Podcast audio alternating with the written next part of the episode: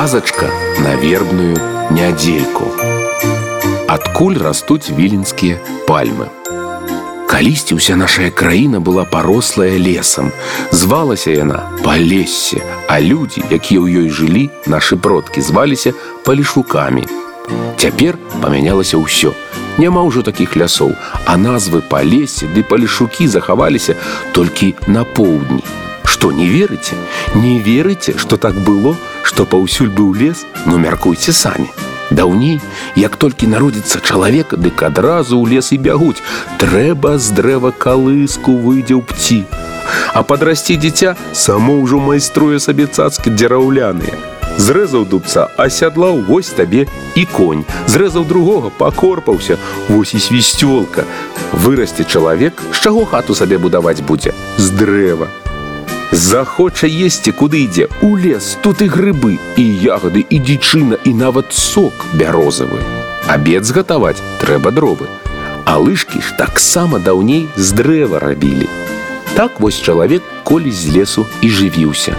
І нават як памрэ труну з дрэва рабілі, а на магіле драўляны крыж ставілі.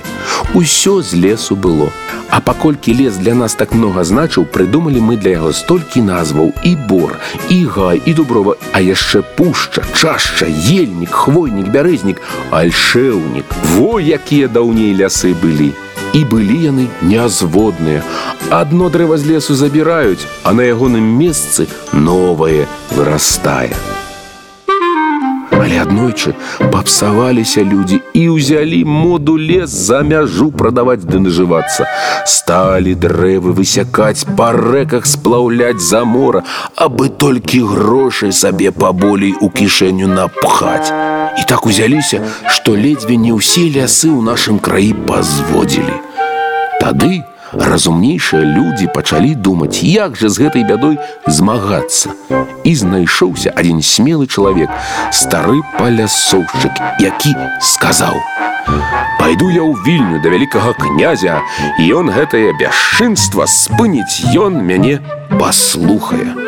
Так цябе князь і паслухае, пасмяяліся з яго навокал.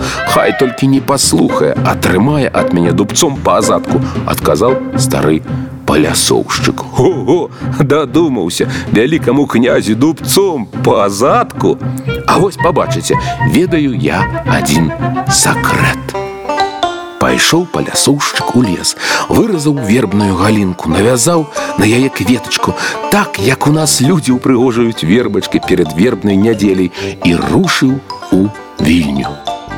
Ішоў ён доўга, ішоў праз усю нашу краіну. І калі на начлег прасіўся, усім расказваў, куды чаго ён выправіўся. І паўсюль яго людзі прасілі, каб ён і за іх лясы заступіўся. А каб не забыўся, да ягонай кветачкі на вярбе сваю кветачку дадавалі. І калі дайшоў ён да вільні, уся ягоная вербачка была ўвязаная кветкамі сухавейкамі адверху да нізу. З'явіўся палясоўшчык у сталіцы на самае свята на вербную нядзельку, А тут сабралася процьма народу, з бажніцы, асвяціўшы сваю вярбу, выйшаў сам вялікі князь. Людзі яму пакланіліся, Пайшоў князь да іх і як здаўна прынята усе пачалі адзін аднаго віншаваць ды вербачкамі злёгку пастукваць. Дачакаўся і наш палясоўшчык сваёй чаргі павіншаваць князя. І з усяе сілы, як сціване яго вярбою па азадку. Князь ажно знямеў, Першай думкай яго было пакараць дзёрзкага нахабніка, але не паспеў князь і роту раскрыць, як той гукнуў: « Не я б'ю, вярба б'е, якая святая, Прастыдзень, вялікдзень, хвароба ў лес здароўе ў косці. Здзівіўся гэткім словам князь так моцна, што і пра крыўду сваю забыў. А чым жа лес вінаваты, што на яго хваробу насылаеш?